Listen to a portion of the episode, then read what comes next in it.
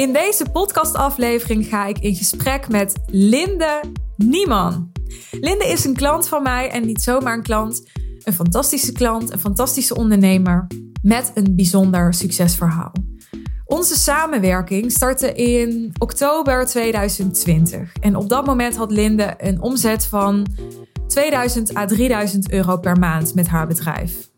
Inmiddels, als dit wordt opgenomen, is het april 2021 en heeft Linde sinds januari van dit jaar 25.000 euro omzet per maand gegenereerd.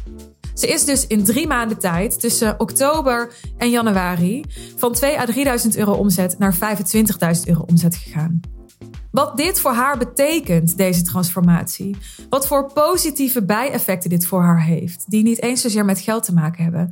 En hoe ze dit heeft kunnen doen, dat deelt ze met je in dit podcastgesprek. Ik wens je heel veel luisterplezier. Linde, welkom in mijn podcast. Super, super leuk dat jij je verhaal wil doen. Tuurlijk. Jij bent in oktober eh, klant geworden in mijn business traject, The Real Deal. Zeg ik dat goed? Ja, klopt. Ja, eind, ja begin oktober, eind september, klopt. En misschien is het uh, interessant om eerst even te delen wat jij doet en waarom dat zo waardevol is voor jouw klanten. Um, ik ben neuropsycholoog en ik help ambtenaren om minder druk te zijn. Dus door een betere samenwerking met het brein en te leren hoe je daar efficiënt gebruik van kan maken, help ik mensen om uh, minder stress te gaan ervaren en meer, eh, meer rust te vinden in hun werk. En waarom is dat zo belangrijk dat dat gebeurt? Omdat uh, te veel stress en te lang uh, druk zijn uh, ervoor kan zorgen dat mensen allerlei klachten gaan ontwikkelen. Dus zowel dat je geen plezier meer haalt uit je werk, maar ook dat mensen uit gaan vallen door overspannenheid of burn-out of bore-out, hoe je dat eigenlijk ook wil gaan noemen. Maar dat, uh, ja, dat mensen gewoon uitvallen omdat ze het niet meer volhouden. Toen je bij mij kwam, hoe lang was je toen bezig met je bedrijf en hoe was je situatie toen? Um, ik was toen net een jaar bezig, iets korter. Ik denk uh, tien maanden, zoiets. En hoe de situatie toen was, is dat ik voor mijn gevoel net een beetje op stoom aan het raken, uh, net op stoom kwam. En dat ik uh, voornamelijk veel losse trainingen verkocht. Want ik, uh, ik doe veel, uh, veel groepstrainingen, dus ik werk met groepen. Dus ik verkocht ja, veel losse trainingen en dat liep wel. Maar ik had ergens echt het gevoel, ik kan meer. En volgens mij is dit niet de manier om veel impact te maken bij mijn klanten. Kan je daar wat meer over vertellen? Waar kwam dat gevoel vandaan? nou, dat had verschillende redenen. Uh, Zo'n training is echt een momentopname. Dus dat was dan een training van drie uur die ik deed. En ik zag echt wel dat dat veel deed bij mensen. En dat ze dat interessant vonden en dat ze daarmee aan de slag wilden. Uh, maar vervolgens zag ik nooit de daadwerkelijke verandering. Want als je na zo'n training niet meer met mensen in contact bent, dan, ja, dan weet je sowieso niet helemaal wat daar nou precies mee gebeurt. En mijn ervaring was ook wel dat mensen dan drie weken heel erg geïnspireerd zijn door zo'n training, maar vervolgens super begrijpelijk weer in hun oude patronen vielen. En uh, dat is iets wat ik op een gegeven moment begon te zien. Dus dat knaagde aan me dat ik dacht, is dit wel de juiste manier om zoveel mogelijk impact te maken? Echt duurzame verandering. En ten tweede merkte ik ook dat ik mezelf daarmee in de weg begon te zitten omdat ik helemaal geen zin had om vier keer in de week dezelfde training te moeten geven. Dus er was al een plafond wat ik bereikt had, waarvan ik dacht: oké, als ik nu nog meer inzet op verkoop van die trainingen, dan moet ik of mensen gaan aannemen. En, en dat vond ik allemaal complex en daar zat ik niet echt op te wachten. Dat is ook wat mij aansprak, ook in jouw boodschap, van het simpel houden. Ja, of ik moet dingen gaan doen die ik eigenlijk niet leuk vind. En da daarvoor ben ik dit niet begonnen. En je was ongeveer tien maanden bezig, zei je. Was je business-wise tevreden met waar je stond? Als in, had je een goed inkomen? Kan je daar iets over zeggen? Nou, dat, ik was daar nog niet helemaal tevreden mee. Nee, ik kon daar wel van rondkomen. Maar ja, zeg dat ik uh, tussen de 2 en de 3.500 uh, duizend uh, euro verdiende per maand. Dus omzet. ja, omzet. Ja, dus dat was geen vetpot. Dus uh, het ging. Eh, en daar was ik al heel blij mee, want ik had de lat denk ik ook niet zo heel hoog gelegd dat ik dacht, na tien maanden moet ik daar al van alles mee kunnen. Dus misschien had ik dat ook wel voor mezelf zo gecreëerd. Maar het liep, maar ik dacht wel, volgens mij zit hier wel veel meer in. Want wat vroeg je voor een training dan, bijvoorbeeld? Om en nabij uh, 1000 euro. Ja, iets meer. Ja. Dus je deed twee, drie trainingen in de maand? Ja, ongeveer. En je had dus geen zin om dat op te schalen? Nee, ik merkte al met, met, uh, met één training in de week dat ik. Ik heb dan een aantal keer drie trainingen in de week gegeven en dan keek ik wel uit naar die laatste training omdat dat gewoon al best wel veel herhaling is in een week. Ja. Nou zie ik heel veel ondernemers denken, oh ik wil niet elke keer datzelfde kunstje moeten doen en daar zelf voor op moeten komen dagen. Mhm. Om het een beetje negatief neer te zetten. Dat is wat jij ook aangeeft. Hè? Ik had geen zin om elke week maar opnieuw diezelfde training te geven. Veel ondernemers denken dan, ik ga een eh, online programma maken. Is dat iets wat jij hebt overwogen? Ja. ja, ik heb dat wel overwogen. Ik denk een week of twee. Maar ja, ik heb het idee dat met dit soort oplossingen je het eigenlijk complexer maakt voor jezelf. Dus of je nou een online programma maakt of dat je mensen aanneemt, daar gaat ook allemaal weer heel veel tijd in zitten. Die ik eigenlijk liever besteed aan werken met mijn klanten, want dat is wat ik echt leuk vind. En daarnaast ook uh, geloof ik persoonlijk niet zo in het feit dat een online programma zonder begeleiding gaat zorgen voor een transformatie. Dus daar ben ik ook uh, om die twee redenen eigenlijk dat ik dacht, oké, dat is toch wel uh, dus sowieso complexer.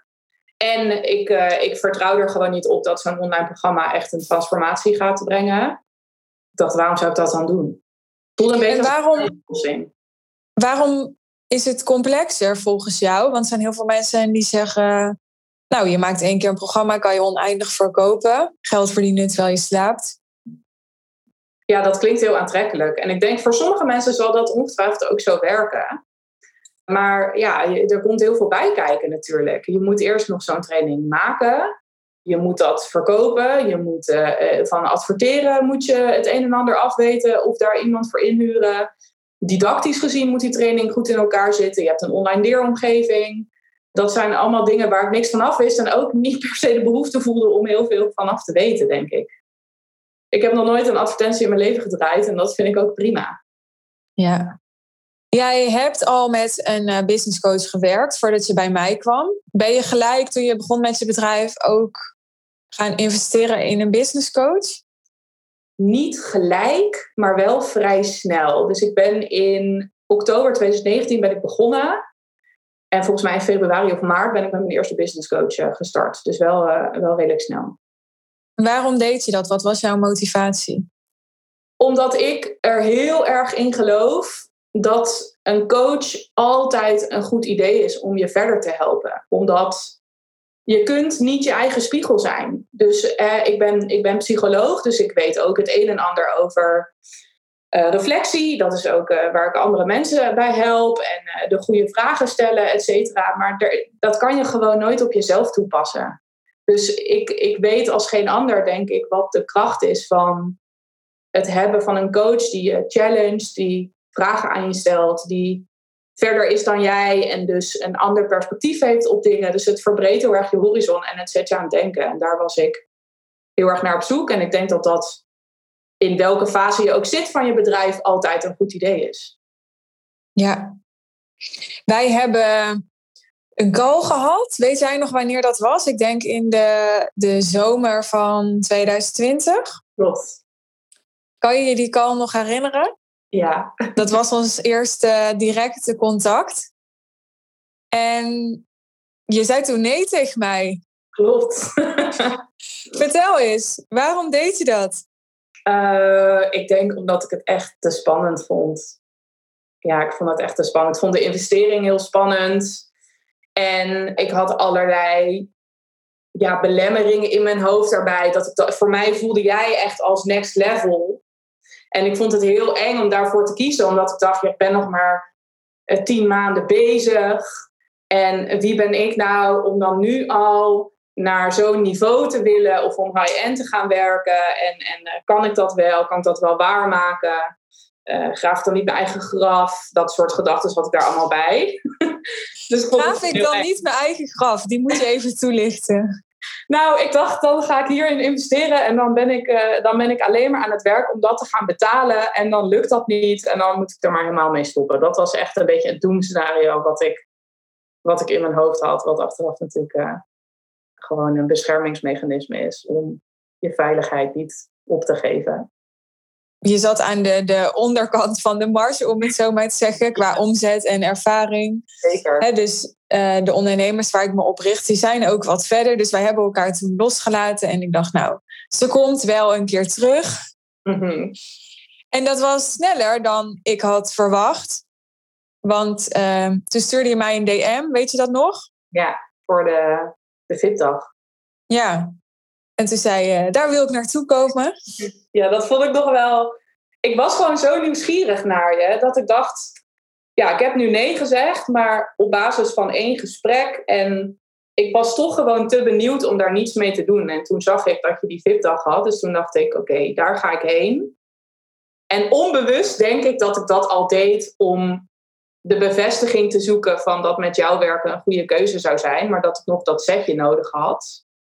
Maar dat wist ik toen nog niet. Ik dacht, ik ga gewoon naar die dag en dan heb ik er heel veel geleerd en daar kan ik weer verder mee. Maar ik denk onbewust dat daar wel andere dingen aan de gang waren. En wat gebeurde er die dag bij jou? Ik kreeg veel inzichten en dat had ik wel verwacht. Maar inzichten waar ik zelf nog nooit eerder over had nagedacht. En uh, dat was zo verrassend voor mij en vernieuwend dat ik dacht, als dit al in, ja, je zit met een groep van zes, dus je krijgt best veel persoonlijke aandacht ook tijdens zo'n dag. Maar als dat al tijdens zo'n dag met vijf andere mensen kan gebeuren, wat kan er dan in een jaar in één op één begeleiding? Dus dat zette mij wel echt aan het denken. Dat ik dacht, jeetje, daar, uh, misschien kan ik het wel. Dat was, uh, dat was eigenlijk vooral uh, de gedachte, ja. En wat heeft nou de doorslag gegeven om toen wel ja te zeggen tegen mijn business traject? Goeie vraag. Um, nou, de ervaring van hoe het is om door jou gecoacht te worden op die dag. Dus jij stelde vragen die uh, sommige mensen misschien niet zouden stellen, omdat het best pijnlijke vragen kunnen zijn. Of omdat je daar iemand mee kan raken, of omdat het moeilijk is. Nou ja, welk label je daar dan ook aan wil geven. En jij schuwde daar totaal niet voor, maar wel op een manier die heel respectvol was. Dus ik voelde me niet called out, of ik voelde niet alsof ik het fout deed, maar wel alsof ik werd gechallenged op de juiste dingen op een accepterende manier. En toen dacht ik, that's what I need. Iemand die de moeilijke vragen stelt, maar waarbij ik niet het gevoel heb dat ik het beter moet doen of het fout doe of dat ik constant bakken kritiek over me heen krijg of zo. Dus die combinatie, dat was voor mij wel dat ik dacht, volgens mij ben ik hier precies naar op zoek. Mooi. En kun je een voorbeeld geven van zo'n inzicht dat je kreeg waar je zelf nooit aan had gedacht? Ja, ja, wat voor mij de belangrijkste was van die dag, is dat ik me besefte dat ik als ondernemer nog veel te veel als wetenschapper dacht, in plaats van als ondernemer. Een concreet voorbeeld daarvan is de manier waarop ik mijn teksten schreef, was met heel veel nuance en met heel veel uh, wij uh, in, plaats van, in plaats van ik terminologie. En een beetje veilig, omdat dat ook is zoals je als wetenschapper schrijft. Je mag geen stelling innemen, want dat is niet wetenschappelijk. Je moet altijd alle kanten belichten, et cetera. En ik was me daar helemaal niet van bewust. En ik deed dat ook wel met meerdere dingen in mijn marketing. Content is nu daar een voorbeeld van. Uh, maar dat ik het heel erg veilig en genuanceerd hield. Terwijl dat uh, niet is de manier waarop je mensen aanspreekt. Die echt daadwerkelijk een probleem hebben waar, waar zij tegenaan lopen. En dat, heb ik me gewoon, dat was gewoon een enorme blinde vlek voor mij. Dat ik dat deed. Dat ik de neiging heb om heel erg vanuit een wetenschapper te denken. Uh, en dus van ook vanuit mijn perspectief met alle kennis die ik heb. In plaats van vanuit mijn klant en uh, meer als de ondernemer. En dat was echt een uh, super groot inzicht voor mij. Mooi. En toen moest het nog beginnen, eigenlijk. Het nog beginnen. Dat moet je nagaan. Hoe heb jij het traject bij mij ervaren tot nu toe? Oh, dat vind ik lastig om in een aantal zinnen te vangen. Maar uh, confronterend, heel transformatief en ook heel leuk. Ja, ik denk die drie, drie woorden dat die het wel uh, samenvatten. Nou, wil je die toelichten, die woorden? Natuurlijk. Confronterend heb je misschien al een beetje gedaan. Ja, ik heb eh, een beetje als voorbereiding eh, voor vandaag geprobeerd op te schrijven wat alle dingen zijn die ik tot nu toe al uh, heb geleerd van jou en waar ik inzicht op heb gekregen. En ik vond het gewoon moeilijk om het op te schrijven, omdat het zoveel is dat ik oprecht niet weet waar ik moet beginnen. dus ja, transformatie op heel veel verschillende vlakken. Dus zowel op strategisch vlak, ik voel me nu veel strategischer als ondernemer na, na een half jaar met jou werken. Mijn aanbod is, is heel anders geworden dan dat het was natuurlijk. Mijn positionering is heel anders. Maar ook mijn gevoel. En ik denk dat dat voor mij misschien wel de grootste uh, transformatie is. Dat ik uh, uh, gevoelsmatig er veel sterker in sta nu. En veel beter weet. Ja, beter is dan ook weer zo'n waardeoordeel. Maar dat ik beter weet voor mezelf hoe ik om kan gaan met de emotionele rollercoaster die ondernemen ook soms is. Um, en nou ja, al die dingen bij elkaar, dat, uh, dat is heel transformatief voor mij geweest als ondernemer. En wat is dat dan precies? Want je zou inderdaad kunnen denken als je hier naar luistert. Ja, jij bent psycholoog, dus jij weet wel hoe je met een emotionele rollercoaster om moet gaan. Dat zou je denken, hè?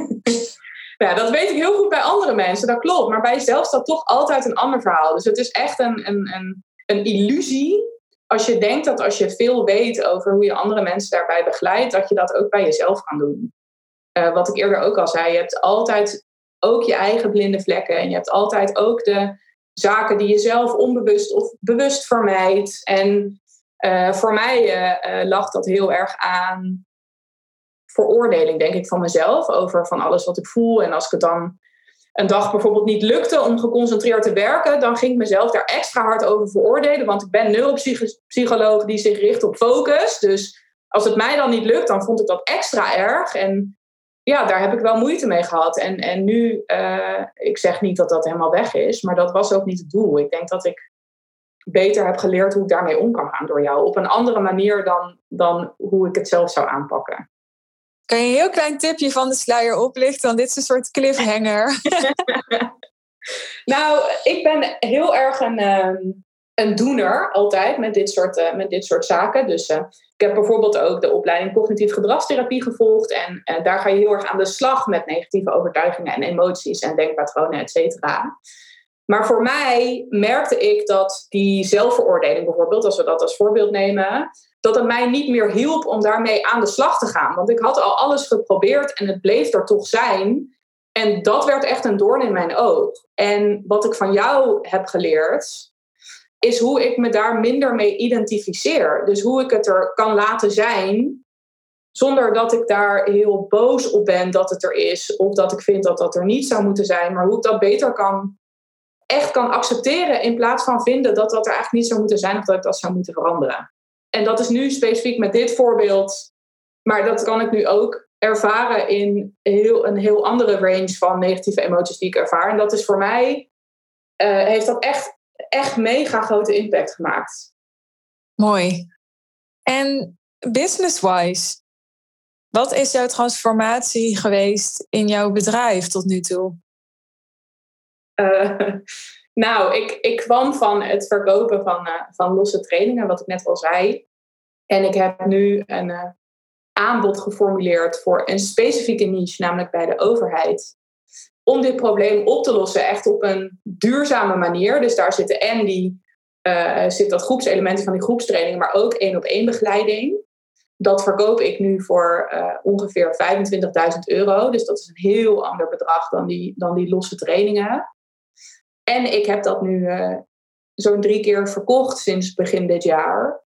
En ja, dat, dat programma op deze manier en, dus, en de impact die ik daarmee maak, maar ook de prijs die ik daarvoor vraag, het is zo anders en het is zoveel ja, mooier om het op die manier te doen. En dat is natuurlijk een enorme, enorme, enorm verschil ten opzichte van hoe het hiervoor was. Hoeveel verdien je nu meer? Nou, het is nu maart en ik heb nu mijn programma drie keer verkocht sinds januari. Dus dat is om en nabij 25.000 euro per maand. Ja. En je zat op 2 à 3000. Klopt, ja. Bizar toch? Ja. Dat geloof ik dat zelf nog niet eens. Dat ik denk, jeetje. ja. Wat ik zo leuk vond, is dat jij vorige week was het, dacht ik, aan mij schreef. Ik snap niet waarom niet iedereen dit doet. Nee, ja, echt. En toen zei ik tegen jou, ik zei ja, story of my life. Ik bedoel, dat vraag ik me elke dag af. Ja. Kun jij mensen die nu zitten te luisteren en die misschien ergens ja, sceptisch voelen of angst voelen, het, hetgeen wat jij vorig jaar ook had, dingen als, ja, is dat wel voor mij? Of hè, eh, ben ik daar wel klaar voor? Of wat zou jij tegen hen kunnen of willen zeggen om die skepsis weg te nemen?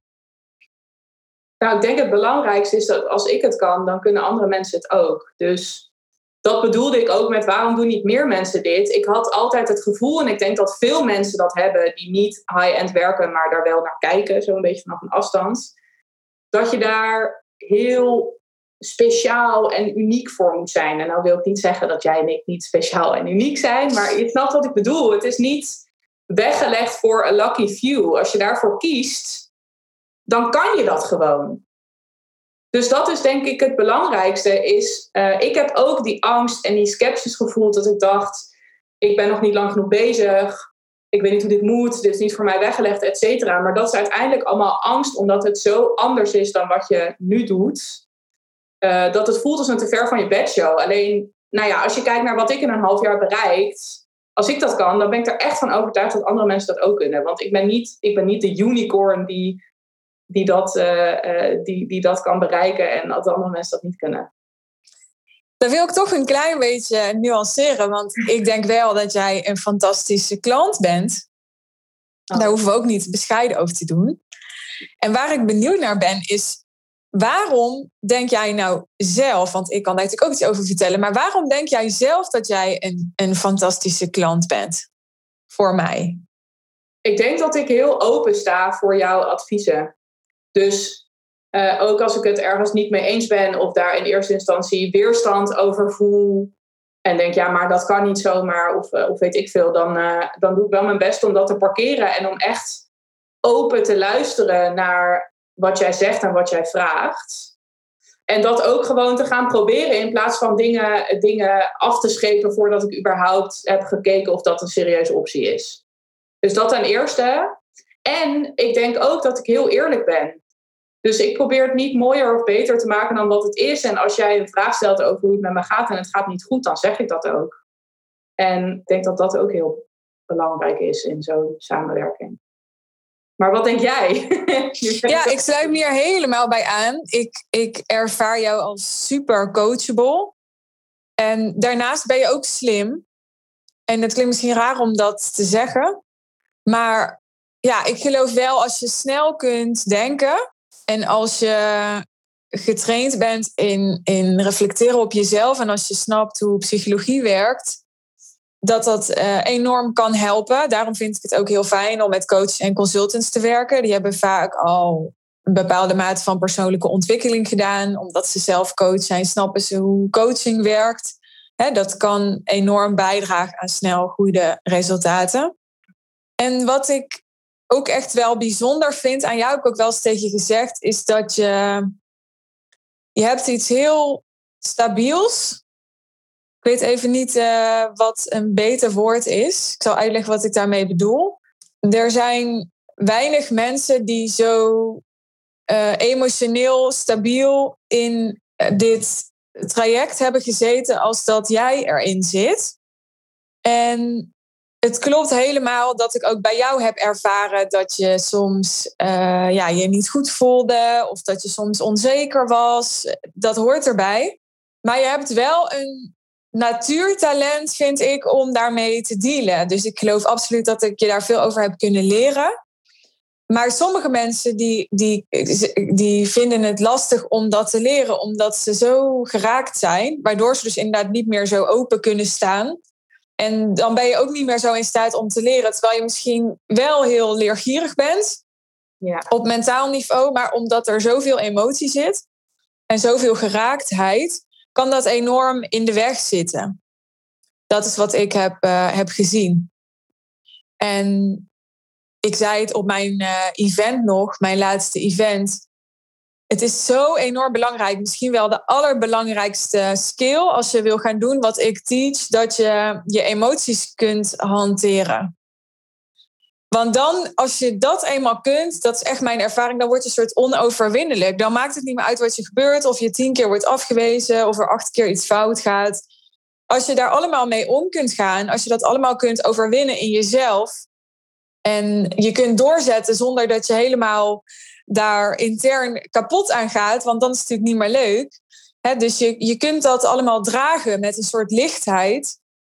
Ja, dan kun je echt heel, heel, hele goede resultaten halen en heel hard groeien. Ja. En daar zie ik echt een, een talent bij jou. Wat lief. Ja. ja, ik snap wat je daarmee bedoelt. Je zei het ook volgens mij laatst in een uh, Instagram-post die je had geschreven over geraakt zijn. Over niet aantrekken wat andere mensen van je vinden. En dat, hè, waarom blijven we dat maar zeggen? Want het is juist heel goed om je om je aan te trekken wat andere mensen van je vinden. Maar het gaat erom hoe je daar vervolgens mee omgaat. Over dat je daardoor geraakt bent en dat je daar iets van vindt. En dat is, uh, dat is echt een sleutel tot heel veel dingen. Ja, dat ben ik echt met je eens. Even nog gewoon uh, een feitje om een totaalbeeld te geven. Hoeveel werk jij voor die uh, eh, 25.000 euro per maand die je nu binnenhaalt? Mm, het totaalplaatje of echt voor mijn klant specifiek? Nou, allebei. Uh, ik denk dat gemiddeld gezien ik werk vier à vijf dagen in de week. En ja, ik hou heel erg van de 9 tot 5 en ik neem meer dan genoeg pauzes tussendoor. Dus ik denk dat ik uiteindelijk denk 5 à 6 uur per dag werk.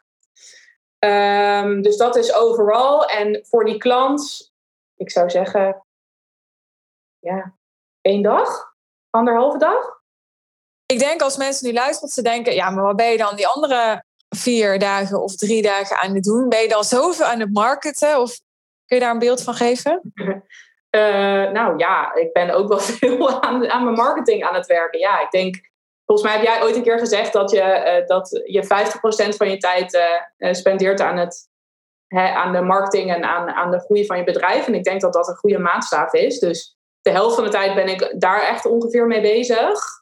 Maar ik ben ook bezig met mijn eigen persoonlijke ontwikkeling, met uh, de coaching die ik van jou krijg, met de cursussen die ik doe, om mijn klanten nog beter te uh, kunnen helpen. Dus dat zit daar allemaal in, in die tijd? Ja, ja, in die, ja precies. Dus, dus dat soort zaken ben ik ook mee bezig. Ja, en het schrijven van content tot weer bij marketing.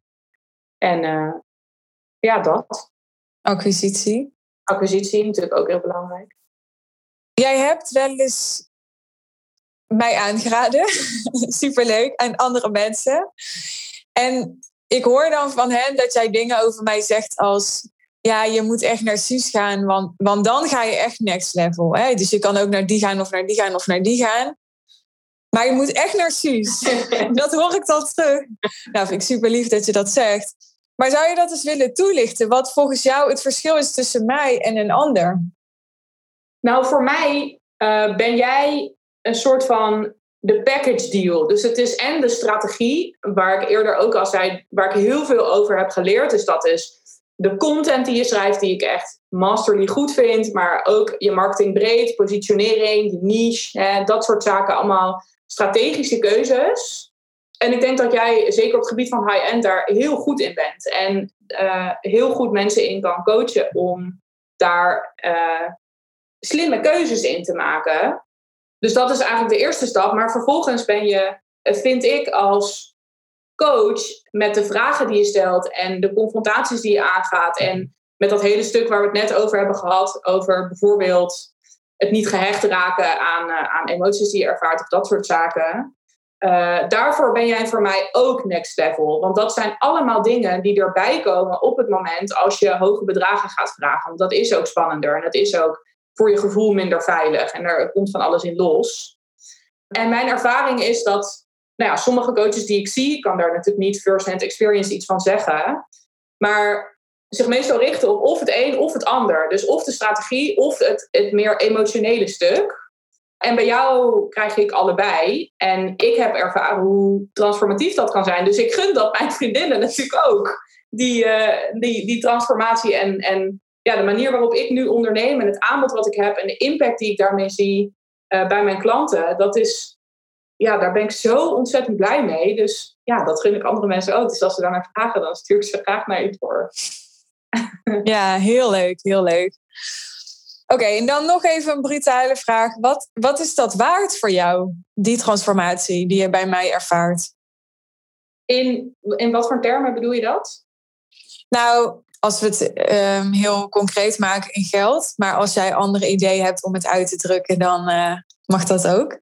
Ja, in geld, joh, uh, ja, superveel. Ik bedoel, ik, ik heb nu in, in drie maanden 25.000 euro omzet gemaakt iedere maand. Dus ik zou dat als ik dat iedere maand zou doen, dan zou ik deze drie maanden ook daar gladly voor inleveren.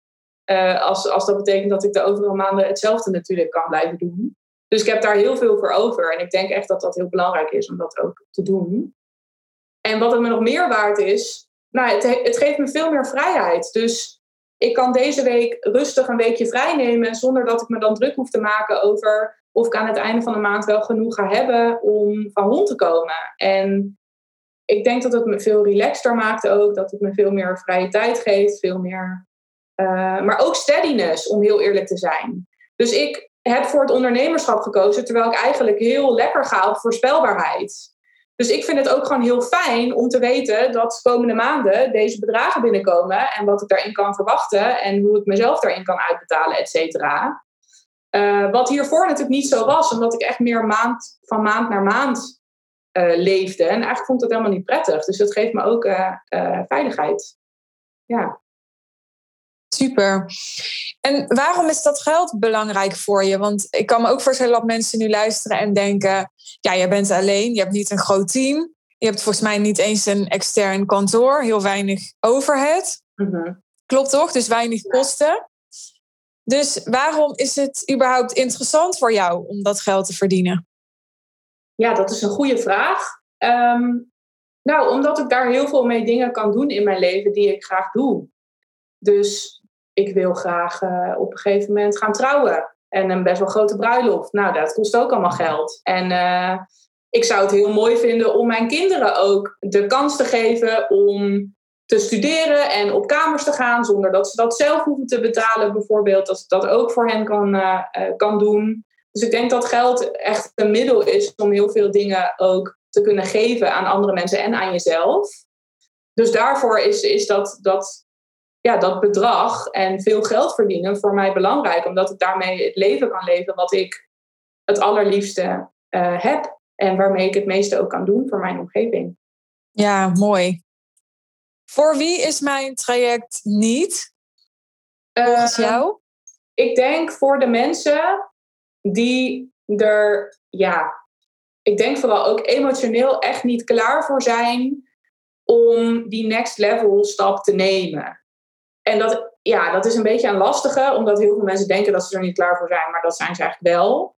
Maar je hebt wel wat draagkracht nodig om zo'n om die confronterende vragen ook aan te gaan en om jezelf in, de spiegel durven aan te kijken en die moeilijke vragen te stellen en om de stap te nemen om je aanbod te veranderen, et cetera. Dus je moet daar wel bereidheid in voelen. Op het moment als jij alleen maar weerstand voelt tegen uh, verandering aangaan op dit moment, dan denk ik dat het een heel zwaar proces gaat worden. Uh, dus dus die, die vorm van bereidheid en die, uh, dat enthousiasme om daar ook naartoe te willen groeien, dat moet er in mijn, uh, in mijn ogen wel zijn. En verder? Ja, nou weet je wat het is? Jij richt je natuurlijk op mensen die al een bepaald uh, bedrag omzetten. Dus je zou kunnen zeggen, voor mensen die daaronder zitten, is dit traject minder geschikt. En dat zou ook ongetwijfeld zo zijn. Maar ja, ik paste daar ook niet in. En look at me now. Dus uh, ik, ik, ja, ik ga ook niet zeggen, als je niet uh, al 100.000 euro omzet in een jaar, dan, uh, dan moet je het niet gaan doen. Of dan moet je niet interesse tonen, want dan was ik, had ik hier ook niet gezeten. Nee, nee. Nee, dat is misschien wel tof om even toe te lichten. Ik kies er heel bewust voor om me te richten op ondernemers die al verder zijn. Om meerdere redenen, maar daar zal ik nu niet heel uitgebreid op ingaan, want het voert een beetje ver. Maar het grappige is dat, dat we altijd uitzonderingen maken. En dat ja, het, het minimale omzetbedrag dat wij communiceren, een soort filter is in de praktijk om mensen die voelen, ja, ik, ik zit daar misschien nog niet, maar ik doe daar niet voor onder, om die eruit te filteren. He, want uh, inderdaad, look at you now. Er is zoveel mogelijk. Hè, er zijn echt klanten van mij keer tien gegaan met hun prijs. En natuurlijk gingen ze dan vaak ook minder klanten bedienen. Maar ja, je kunt echt keer vijf gaan in een jaar. En als je coachable bent en als je leergierig bent en als je ambitieus bent en als je goed weet waarom je het doet, waarom het belangrijk voor je is om meer vrijheid te ervaren of om meer geld te verdienen, tot je beschikking te hebben, dan is het ook voor starters mogelijk om hele goede resultaten te halen. En dat is ook gebleken in het verleden. Alleen hoe verder jij al bent als ondernemer, hoe meer je al weet en hoe meer je al gewend bent om jezelf te overwinnen, blokkades te overwinnen, waardoor de kans dat je snel hele goede resultaten haalt toeneemt. En dat is natuurlijk wat ik wil als ondernemer en ook ja, als coach en als gepassioneerd betrokkenen bij mijn klanten, dat het mogelijk is en dat de kans zo groot mogelijk is dat ze heel snel hele goede resultaten halen. Ja, precies. Om af te ronden, waar ben je het meest dankbaar voor als je terugkijkt op het afgelopen half jaar? Oeh, dat is moeilijk kiezen. Ehm, nou, ik denk waar ik uiteindelijk. Oh, moet ik echt één ding kiezen? Nou, waar ik, waar ik echt het allermeest uh, dankbaar voor ben, is dat ik nu mijn klanten dien op een manier die net zo transformatief is als wat ik bij jou heb ervaren.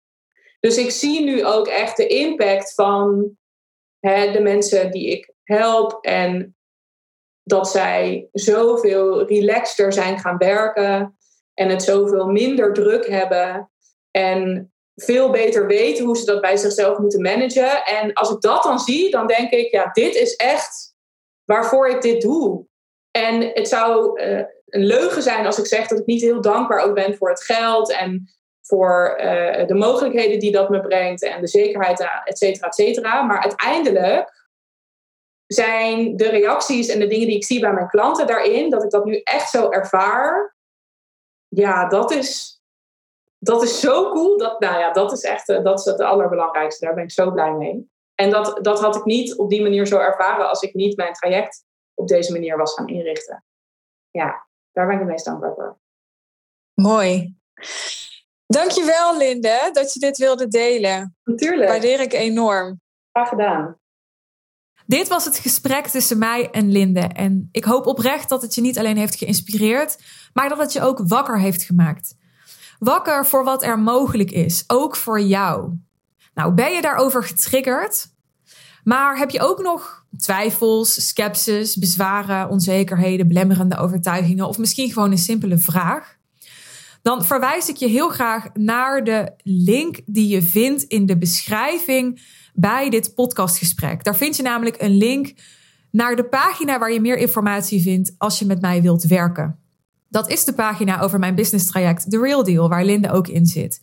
Daar kun je meer lezen over het traject, maar daar vind je ook de mogelijkheid om jouw call te boeken met mij. En al die twijfels, bezwaren, overtuigingen of vragen nog even aan me voor te leggen. Wil je me eerst DM'en via Instagram, dan kan dat natuurlijk ook. Je bent heel erg welkom. Dankjewel weer voor het luisteren. Leuk als je van je laat horen als je geluisterd hebt. En heel graag tot de volgende aflevering. Tot dan!